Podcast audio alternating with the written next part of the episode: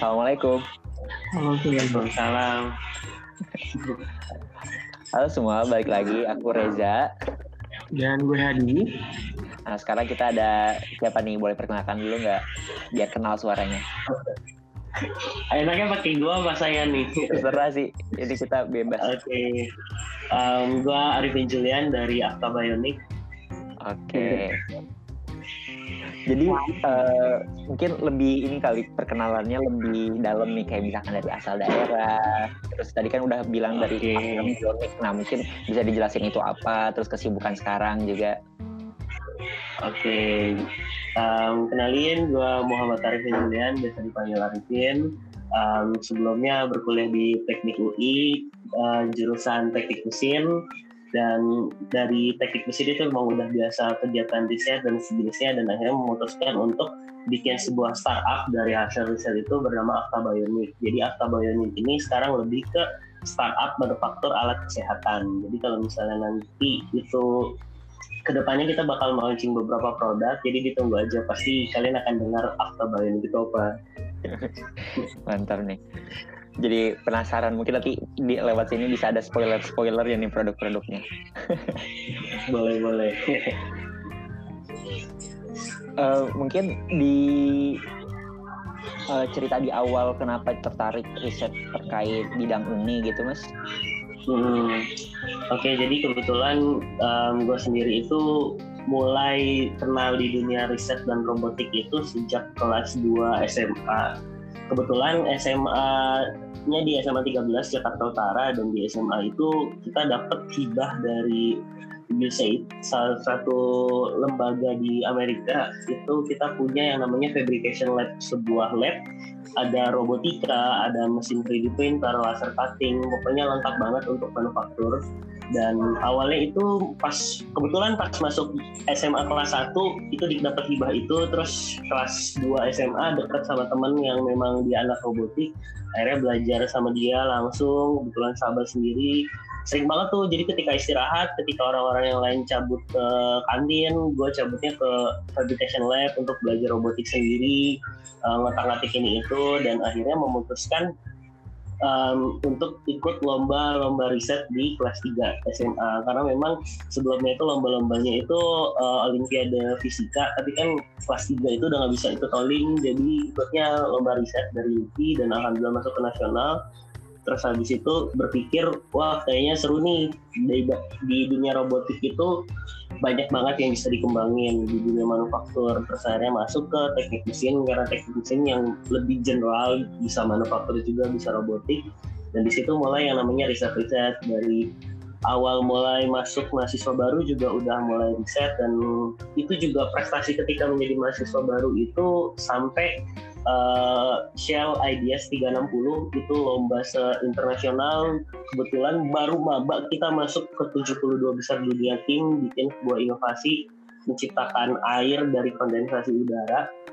Dan selanjutnya ikut eh, lomba-lomba lagi mulai riset-riset dan akhirnya ujung-ujungnya ke arah robotik. Dan um, seiring berjalannya waktu mulai sadar nih kita nggak bisa uh, untuk uh, mengandalkan cuman yang namanya lomba kita nggak bisa mengandalkan uh, keuangan pribadi karena memang terbatas banget kan. Pengen uh, mencapai suatu hal yang lebih. Jadi akhirnya start lah yang namanya Akra Bionic untuk tujuannya nanti adalah mengkomersialisasikan dari produk-produk riset yang dikembangkan itu. Dan ya sampai sekarang lagi fokus di Akra Bionic sih. Dan memang uh, mimpi kita sama teman-teman akan menjadi sebuah startup manufaktur yang besar di bidang kesehatan. Kan kalau misalnya orang sekarang kan lagi gencar-gencarnya tuh digital ya, startup startup digital, ada aplikasi ini itu ini itu dan gue sendiri ngerasa belum ada nih yang di bidang manufaktur dan di manufaktur itu lebih sustain, lebih bertahan lama dibandingkan dengan digital. Makanya start di bidang yang manufaktur ini.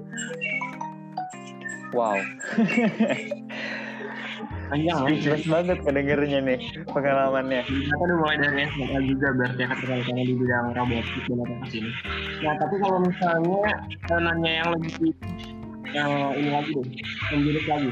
Kenapa akhirnya memilih kan kalau stabilik itu kalau nggak salah lebih kayak ini ya manufaktur bidang kesehatannya buat teman-teman yang punya disabilitas ya Iya, benar-benar. Oh, akhirnya kenapa pikiran buat uh, bikin alat kesehatan buat teman-teman disabilitas sebenarnya ada alasan khusus nggak sih mas? Oke, okay, jadi sebenarnya gini, um, kalau misalnya dari story-nya dulu kebetulan ikut yang namanya Forum Robotik Internasional di dalam forum itu dapat dari salah satu dia lembaga disabilitas di Australia waktu itu dia punya problem yang namanya paraplegic dan bingung nih paraplegic di solve dengan inovasi apa. Dan akhirnya tertarik untuk uh, melakukan riset di bidang itu. Dan setelah dipikir-pikir ternyata um, ketika melakukan sebuah riset dan membuat inovasi di bidang khusus untuk disabilitas itu tuh kayak potensinya sangat besar dan bisa ngebantu lebih banyak orang. Karena memang di kondisinya itu kita hampir dari 10 dari 100 orang yang kita temuin itu bisa sekitar 5 sampai 10 orang itu disabilitas entah dari pendengaran, dari penglihatan, anggota gerak. Dan karena memang dari data di dunia sendiri disabilitas itu bisa mencapai 15% dari total populasi dan di negara berkembang itu yang paling banyak. Dan memang benar aja di Indonesia tuh cukup banyak ya. Dan apalagi untuk disabilitas itu paling banyak adalah anggota gerak sebenarnya tadinya saya sangka kan disabilitas tuh kayak tunanetra atau tuli yang paling banyak ternyata yang paling banyak anggota gerak.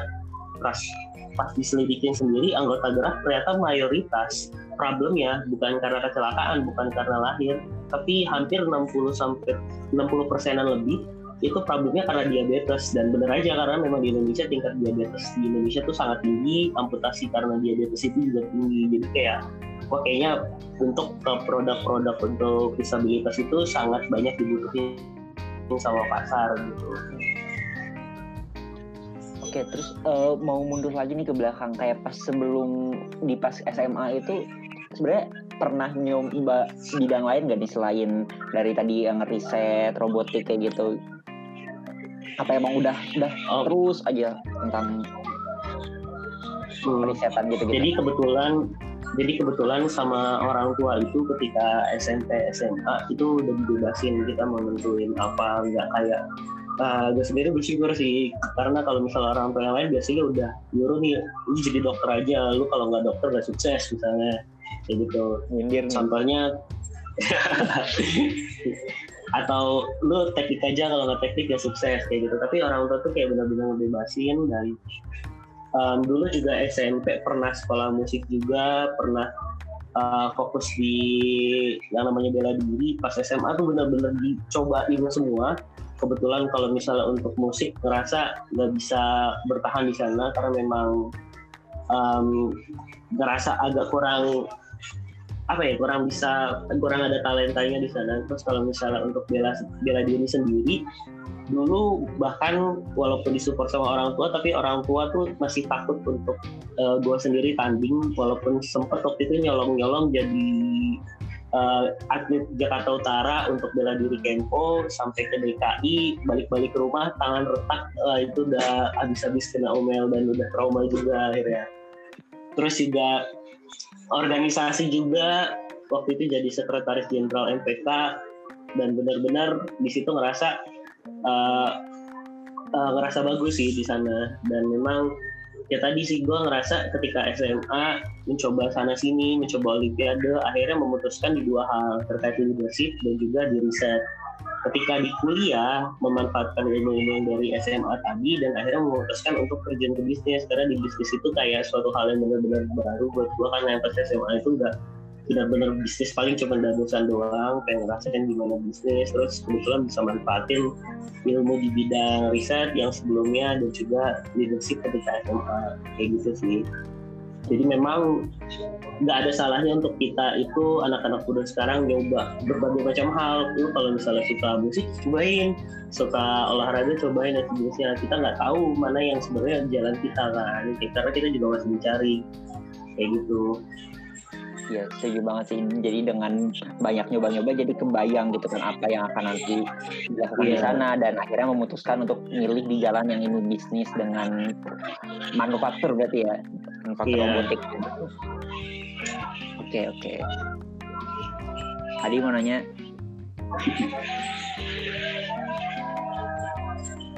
Nah, terus mas, tadi kan udah banyak ini cerita pengalaman juga. Kalau misalnya sekarang boleh ceritain dong kalau kita di sana di stadion dari stadion itu sendiri. Maaf mas, kurang kedengaran tadi mas. Eh, sudah? Udah, udah. Oke. Nah, kan Ayah udah cerita banyak ya tentang awal mulanya gimana sampai kita bisa bikin Aktabionik. Nah, sekarang mau dong coba diceritain dari Aktabionik nih sekarang udah bisa uh, dapat apa aja yang yang bikin mas bisa gitu saja. Eh, udah dapat apa aja yang Uh, bikin Mas, Ar- Mas Arifin seneng gitu. Oke, um, alhamdulillah uh, Oktober ini kita udah di tahap yang melewati. Jadi di dalam startup, kalau misalnya teman-teman yang lain baru belajar terkait startup, startup itu ada banyak banget fasenya. Ada pertama ada fase yang namanya pre-seed, terus ada tahap seed, habis itu seri A, B, C sampai unicorn. Teman-teman udah pasti tahu kan yang namanya unicorn itu kayak Tokopedia, Bukalapak, Gojek, dan kalau misalnya di um, di Afta Bionic ini kita udah di tahap se- seri seed dan mau masuk ke seri A. Doain aja kita bisa masuk ke seri A. Dan memang um, udah banyak banget yang didapat dari uh, gue sendiri pribadi gue bersyukur menjadi anak UI karena di UI itu kita dapat berbagai macam pendanaan. Afta Bionic sendiri kalau misalnya dikompilasi total pendanaan dari Universitas Indonesia untuk kita itu udah aku sampai 505 500 berapa cuy? uh, Akta Bionic dari UI 300 tambah 200 oh 510 juta dari UI sendiri uh, itu kita baru benar-benar fokus dari pendanaan UI terus dari pendanaan-pendanaan lain total hampir 600 jutaan lah. Dan itu kita udah dapat banyak banget hal pengalaman terus kita juga disupport sama US Embassy juga. Makanya kemarin kita bisa dapat grand launching di at Amerika. Itu cukup besar dan akhirnya kita sekarang Uh, kemarin sih ketika di awal pandemi kita sempat juga kerja mau kerja sama dengan uh, NGO NGO besar seperti ACT kita mau bikin program seribu kaki palsu kita sama Basnas juga sama uh, Zakat Sukses juga dari Depok. Karena kita provide uh, kaki prostetik yang memang berkualitas dan memang lebih terjangkau tapi problemnya karena ada pandemi ini kita benar-benar muter otak tuh. Jadi kita muter otak kita sempat vakum kemarin dan di bulan Juli kita mulai uh, start lagi dan kita sekarang lagi bikin beberapa inovasi lain. Dan memang dari Akta Bionic ini udah banyak banget yang didapat sih uh, dari pengalaman pribadi da baik dari nasional maupun internasional. Karena kita di internasional juga sempat dapat berbagai macam penghargaan juga. Uh, kita dapat medali emas dari World Exhibition terus juga dari Jepang juga dari Obara Award kita dapat special innovation dari Jepang. Terus juga kita di uh, Indonesia dari Young Science Association kita dapat special award. Jadi lumayan banyak pengalaman yang didapat dari Akta Bionic ini. Tapi memang buat pelajaran buat teman-teman yang memulai startup jangan pernah ragu sama diri sendiri sih. Karena banyak banget sih yang meragukan yang namanya Akta Bionic ketika di tahap awal. Karena mayoritas ya teman-teman yang lain itu start yang namanya digital company, start aplikasi ABC dengan harapan mereka bisa sebesar Bukalapak, mereka bisa sebesar Gojek, dan seperti kita yang berbasis robotik itu banyak ya dihina-hina lah kayak apa ini nggak mungkin lah bisa sana sini sana sini tapi buktinya kita tetap sama teman-teman struggle terus bisa berjuang dan akhirnya banyak banget yang bisa dicapai dan bahkan ya kita tahap pendanaan aja dari hibah aja bisa sampai di angka hampir 600 jutaan kayak gitu. Iya sih, karena apa ya mungkin uh, misinya juga jadi spesifik gitu kan, uh, udah jelas sekali gitu, jadinya Hmm. udah udah tahu ya target-targetnya dan mudah-mudahan apa Bionik ini sebenarnya dengan niatan uh, yang sangat baik ini mudah-mudahan bisa benar-benar membantu uh, pasien-pasien yang amputasian gitu-gitu ya Meningkatkan kualitas hidupnya. Nah, mungkin tadi diceritakan tentang suka suka apa ya yang bahagia bahagianya nih dari startup eh, Bionik mungkin boleh ceritain Hmm. nggak bagian downside-nya, dukanya ya dalam jalan ini, terutama yang spesifik nih di bidang manufaktur ini gitu dibandingkan startup di bidang lain. Oke, sebenarnya um, kita banyak banget yang namanya uh, kesulitan sih dari dulu. Apalagi kalau misalnya memang teman-teman yang memang baru bergerak di startup biasanya kayak dianggap remeh sama semua orang. Contohnya minimal banget orang tua pasti kayak apa sih lu ngerjain apaan sih? Kayak lu beli aja gitu. Ya nggak itu pasti teman-teman pasti semua bakal ngelakuin lah. Tapi um, yang paling penting dalam hidup itu kita percaya sama mimpi kita sendiri maupun uh, walaupun itu dianggap remeh sama semua orang kalau lu suka jalanin jangan sampai lu melakukan sesuatu karena menurut orang lain tuh keren. Tapi menurut lu walaupun nggak suka tapi menurut orang lain keren lu tetap di situ gitu. Um, menurut gue yang paling penting adalah lu punya mimpi di sana apa pun nanti kesulitannya bakal bisa dihadapi kalau misalnya dari segi manufaktur sendiri Asta Bionic ini banyak banget kendala karena kita di manufaktur itu jauh lebih banyak error dibandingkan dengan startup-startup digital. Contohnya ketika misalnya startup digital punya kesalahan di misalnya malfungsi di salah satu tombol ya dalam sehari bisa dibenerin gitu kita pribadi itu ada satu malfungsi salah satu misalnya kita saat ini lagi develop salah satu alat namanya disinfektan shooter itu nanti kalian pasti bakal tahu karena kita bakal grand launching dalam beberapa uh, minggu lagi. Itu tuh kayak misalnya ada satu part yang salah itu kita harus ngulang lagi produksi lagi sampai satu minggu problemnya. Dan memang di manufaktur sendiri kita harus ada yang namanya tes uji tarik uji uh, berbagai macam uji lah. Kalau misalnya teman-teman yang memang bergerak di bidang manufaktur atau anak-anak teknik yang memang mau startupnya di bidang itu, kalian coba pelajarin yang namanya TRL, Teknologi Readiness Level, dan itu kayak guide buat kalian di tahap benar-benar dari idea banget sampai nanti kalian uh, produk kalian itu jadi jadi nanti dia di situ ada berbagai macam tahap lah dari TRL itu dari TRL 0 sampai TRL tertinggi itu 9 dari skala lab laboratorium skala uh, sampai skala lapangan sampai skala realnya. Jadi memang itu buat teman-teman kalau misalnya mau yang bidang manufaktur. Dan memang ya tadi problem uh, manufaktur itu jauh lebih besar. Karena memang kalau misalnya contohnya kita di kaki prostetik kita kesalahan ternyata ada fraktur. Misalnya uh, kita mendesain sebuah kaki prostetik uh, dia cuma bisa nahan sampai 60 kg tapi berat uh, usernya itu bisa sampai 80-90 kalau misalnya ternyata fracture jatuh dia cedera itu kan bakal menjadi suatu hal yang parah. Untuk meminimalisir hal itu kita juga kerja sama-sama spesialis-spesialis ortotis prostetis kita kerja sama yang lain. Jadi teman-teman banyakin kolaborasi dan kerja sama aja sih sama bidang-bidang yang memang terkait untuk mengurangi dan menghindari hal-hal yang diinginkan itu. Dan memang akan banyak banget sih pak. Banyak banget problem yang orang lihat terkait seseorang bisnis itu sukses itu cuma sebagian kecil dari kegagalan dia di mungkin cuma 10% dari 90% kegagalan dia tapi dia tidak nyerah itu sih buat teman-teman kalau misalnya ngerasa saat ini masih dalam posisi gagal dan belum berhasil untuk terus maju Hmm, Oke, okay. berarti emang uh, kalau di manufaktur itu sangat akrab, jadi teman dekat sama kegagalan kali ya, sama error dan yeah. lain sebagainya gitu ya mas.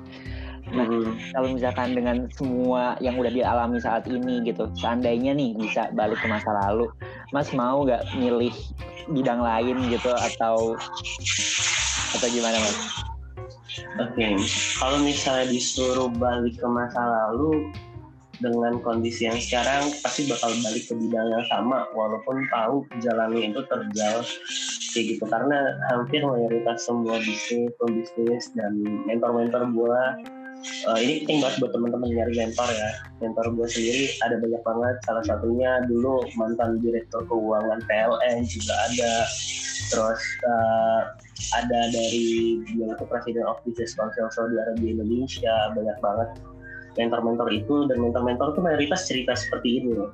Kalau gue nginget masa lalu gue yang susah, itu tuh nggak mau untuk mengulangi hal itu, tapi kangen untuk mengingat hal-hal seperti itu. Dan kalau misalnya mengulangi lagi kejadian, pasti dia akan memilih jalan yang sama. Karena dia tahu di endingnya dia berhasil, walaupun itu sulitnya minta ampun. Kayak gitu keren banget sih jadi emang nggak ada yang bisa dicapai dengan instan dan mudah ya pasti harus ya, ada banget. jalan yang susahnya itu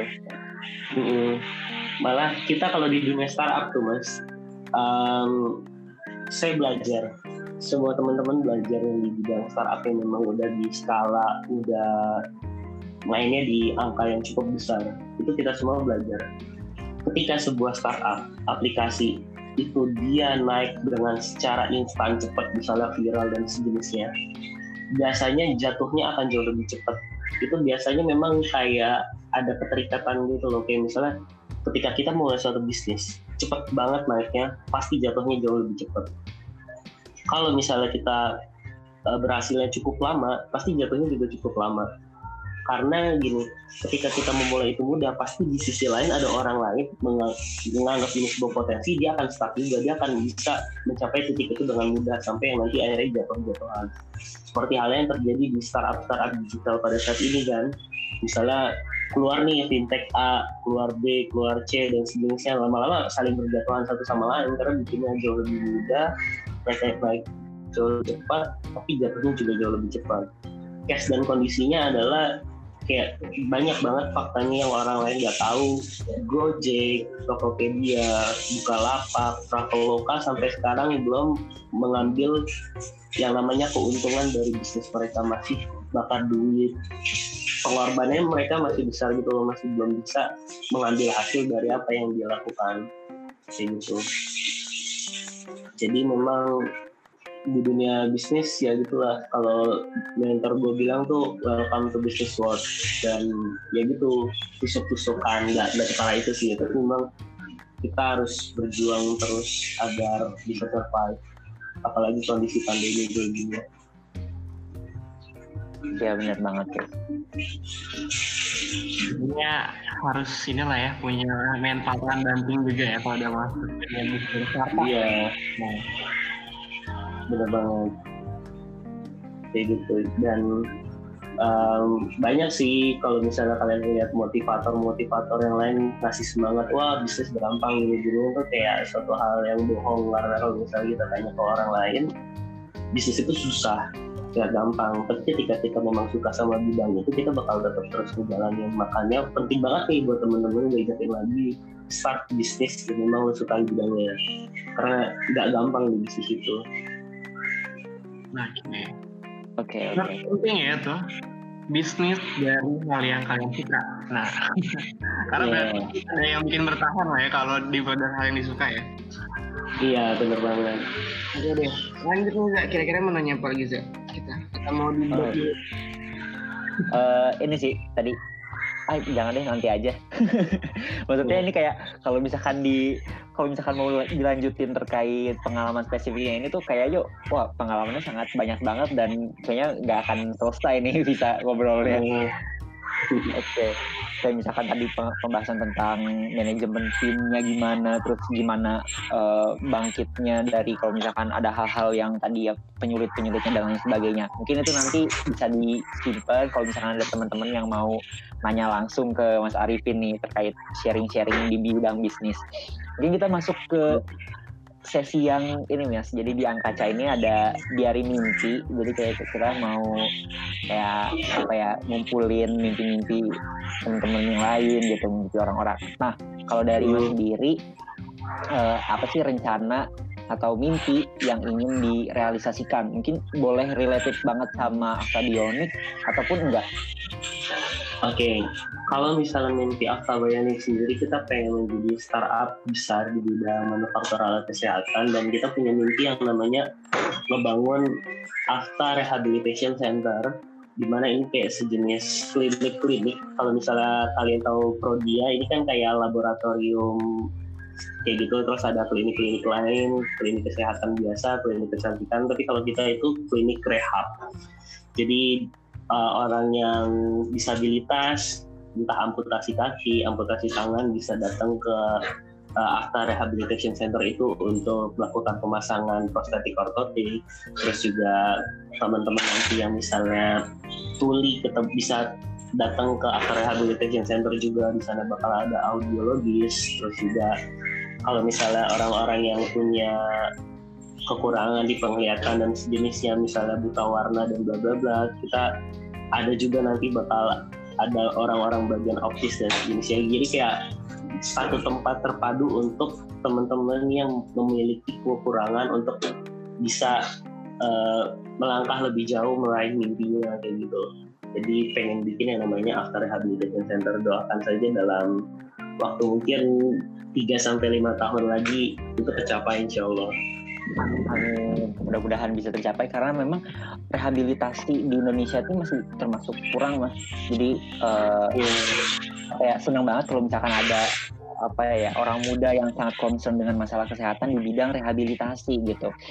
Karena ya gitu kalau misalkan dari dokter ya udah cukup sampai di kuratifnya aja tapi abis itu apa gitu kan?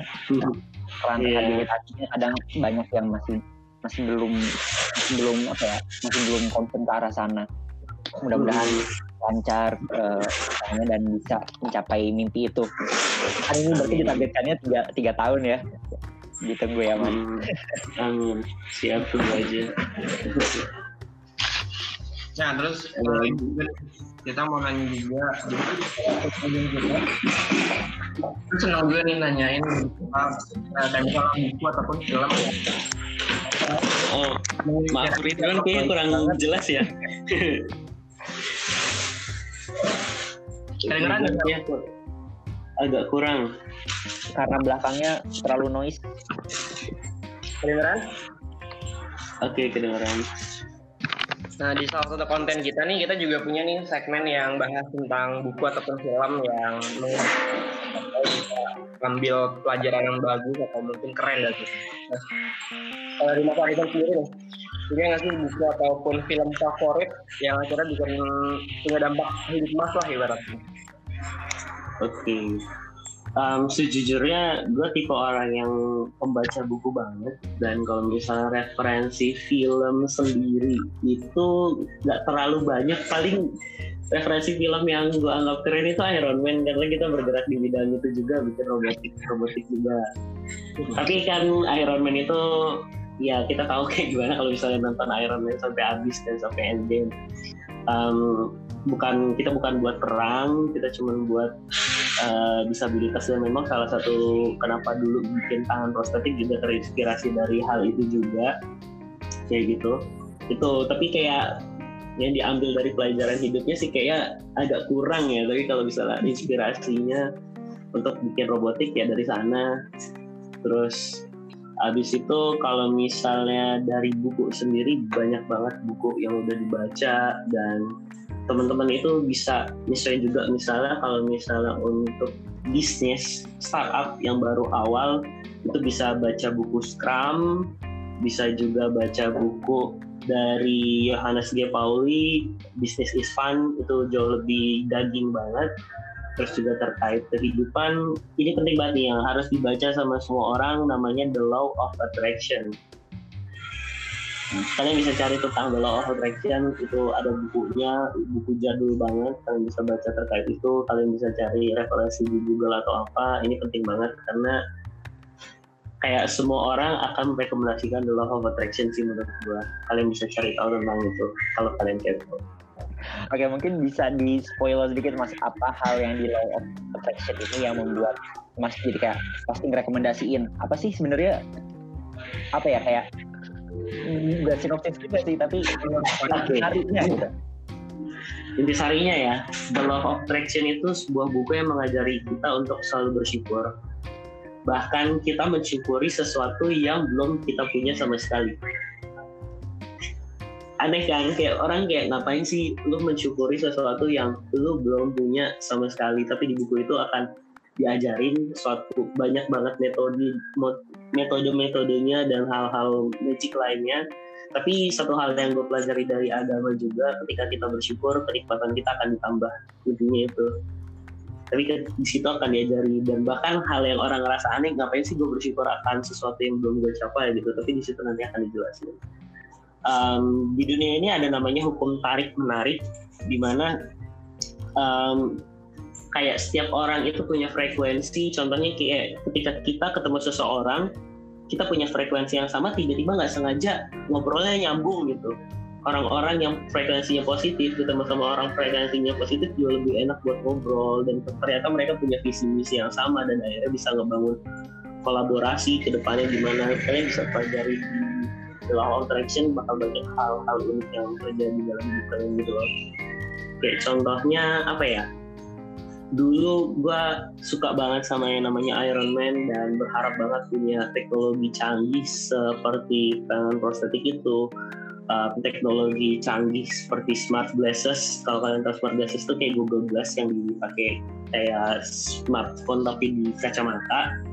Kayak gitu. Itu kebetulan dulu dengan metode itu gak tahu kenapa tiba-tiba punya dan tiba-tiba riset di bidang sana tiba-tiba salah satu paten yang didaftari juga terkait smart glasses juga prostetik ortotik juga. Jadi wajib banget ya of Attraction buat dibaca buat teman-teman bahkan berarti nge-track film Iron Man juga ya ke kita Oke deh, nanti kita coba review deh kalau misalkan sempat. Uh... Smart banget juga ya soalnya.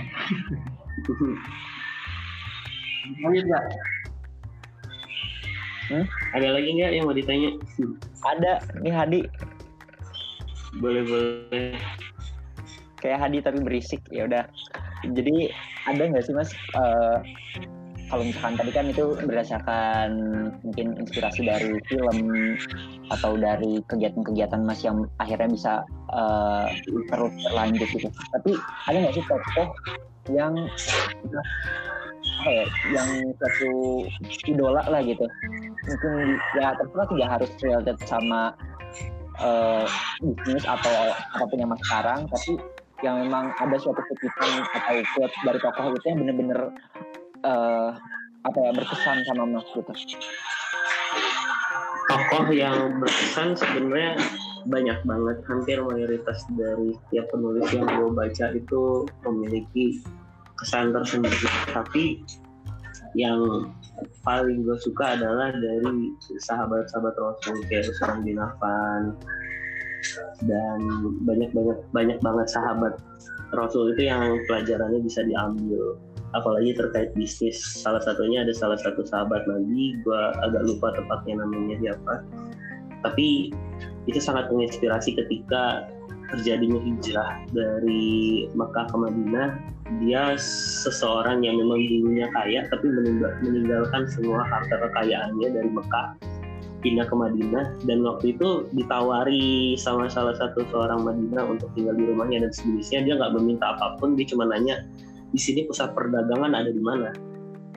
Dikasih tahu lah pasar ada di mana dan di situ dia mulai menjual pertamanya dari start, start nolong orang dulu di situ bantu-bantu dapat imbalan hasil sedikit habis itu dia mulai beli barang dia jual di situ sampai akhirnya dalam waktu singkat menjadi orang terkaya lagi di Madinah. Jadi kayak itu pelajaran banget yang bisa diambil sih buat teman-teman juga ketika kita benar-benar yang tadi Mas Reza bilang di tahap awal ketika kita memulai sesuatu itu bukan karena suatu hal yang instan kita akan meraih kesuksesan itu ketika kita gagal itu jauh lebih mudah lagi karena kita udah punya pengalaman yang gimana untuk sukses kita udah punya skill-skills yang lagi dan kita bisa memanfaatkan ilmu-ilmu yang sebelumnya gitu.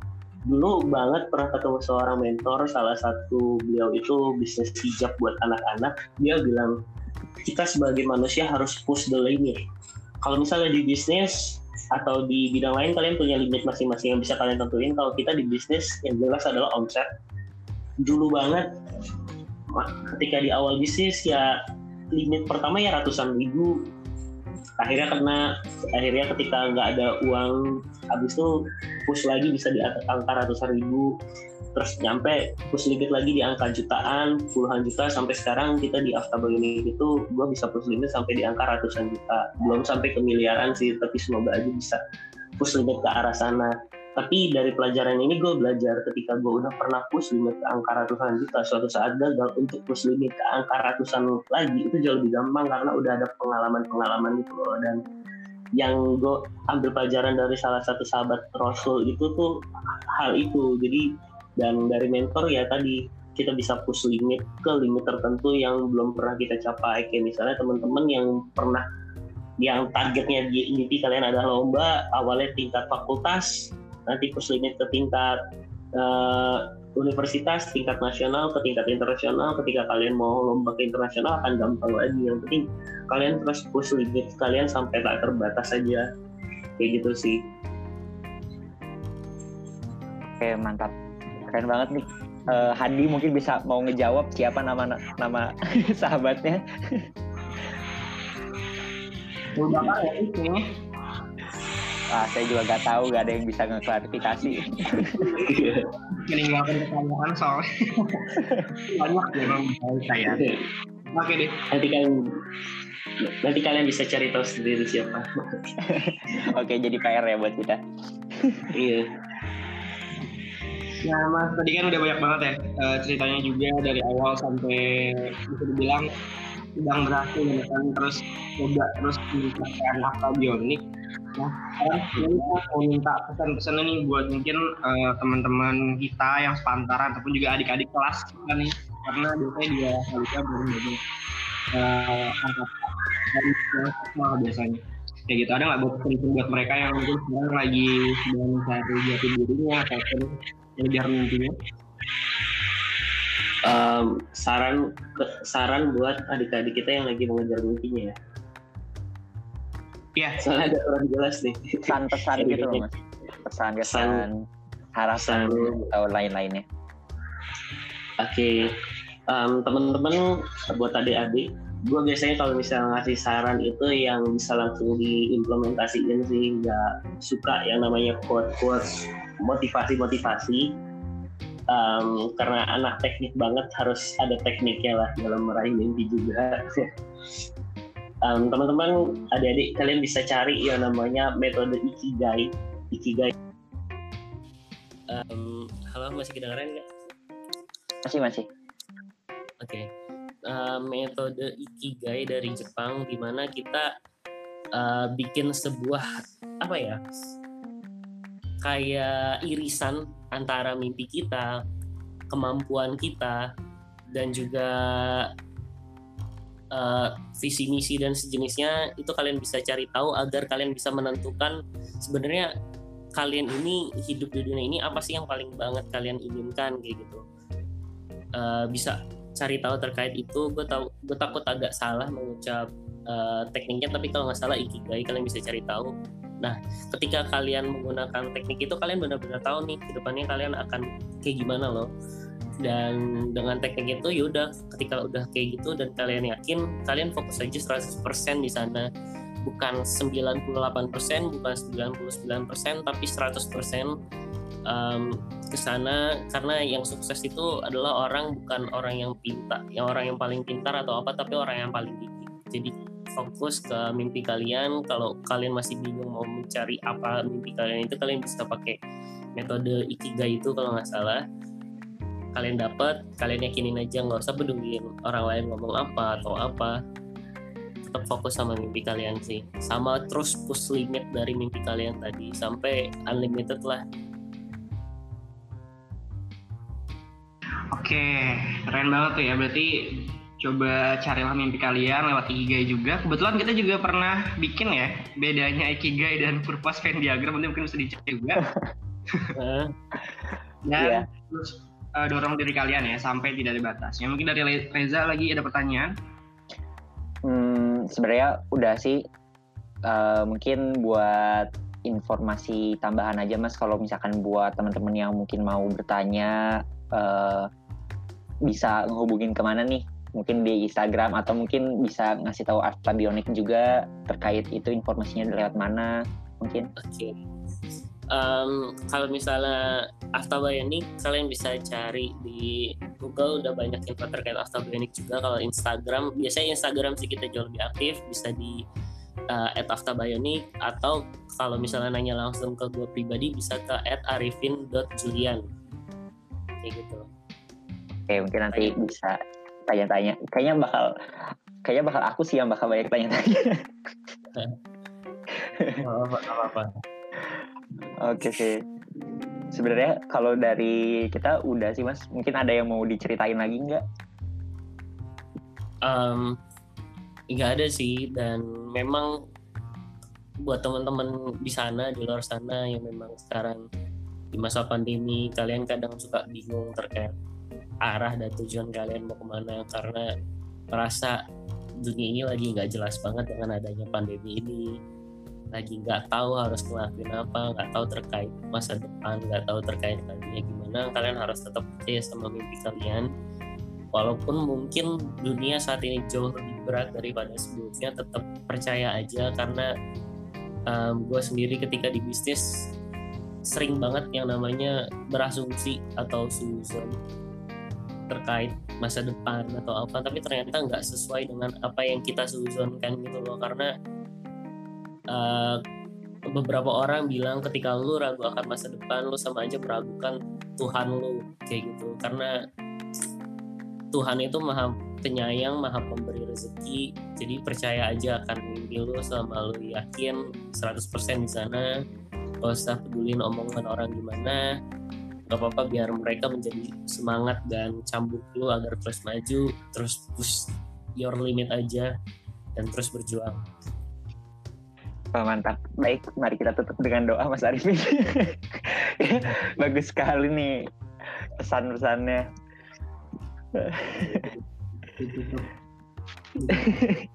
Gimana? Gimana, Di? Ya, lanjut kayak ini laptopnya udah tidak baik untuk Oke okay, deh. Take Thank you banget Mas Arifin. Mudah-mudahan semua kegiatannya, target-targetnya bisa tercapai. Tadi termasuk juga bahkan sampai menuju ke rehabilitation center, after rehab center. Itu terus kegiatan-kegiatan uh, bisa memberikan manfaat terutama buat orang-orang yang disabilitas gitu, baik yang disabilitasnya uh, alat gerak, termasuk juga yang disabilitas lainnya gitu kan. Mungkin uh, saat ini belum ke arah sana apa udah juga Mas? Yang kayak misalkan tunanetra atau kita insya Allah tahun depan tungguin nggak tahu nih sekitar okay. satu tahun lagi sampai dua tahun lagi kalian akan menemukan kacamata buta warna di Indonesia. Wah mantap banget. Ini tuh kayak apa ya dengan mempelajari kedokteran terus ngelihat produk-produknya Mas Arifin tuh kayak wah ini udah udah udah kayak ngalahin fisiologi banget gitu kayak bener-bener ini kita bisa ngelewatin fisiologinya manusia gitu. Iya. Karena banyak banget teman-teman yang butuh bantuan sebenarnya. Makanya kita terus semangat untuk berjuang ke depannya. Kalian tunggu aja produk-produk dari Alphabaya dalam waktu dekat launching sebuah produk. Nggak tahu ini bakal fenomenal atau enggak tapi kita rencana ini agar uh, go global juga karena di global juga belum ada produk seperti sejenis seperti ini kalian tunggu aja terus okay. apalagi ya. kalian yang memang punya keterbatasan terkait diri atau disabilitas atau apa pantengin aja IG kita memang jarang update sih sekali update biasanya kita punya produk-produk baru yang memang soalnya kita segmented banget sih nggak bisa ke semua orang kayak misalnya prosesi ortotik ya kita ke komunitas komunitas disabilitas yang lain kayak gitu jadi kalian tunggu aja sih kalau misalnya untuk kayak hal-hal unik kayak gitu tunggu aja paling setahun dua tahun lagi bakal ada kacamata warna di Indonesia dan produk kita terus rehabilitation center estimasi kita sekitar tiga tahun lagi semoga aja itu tercapai amin Oke, ini kenapa aku yang jadi kayak semangat banget gitu nungguin. Oke deh. Yuk, mungkin gitu aja ya, Mas. Terima kasih banyak. Terima kasih sama dulu rekamannya. Oke. Okay.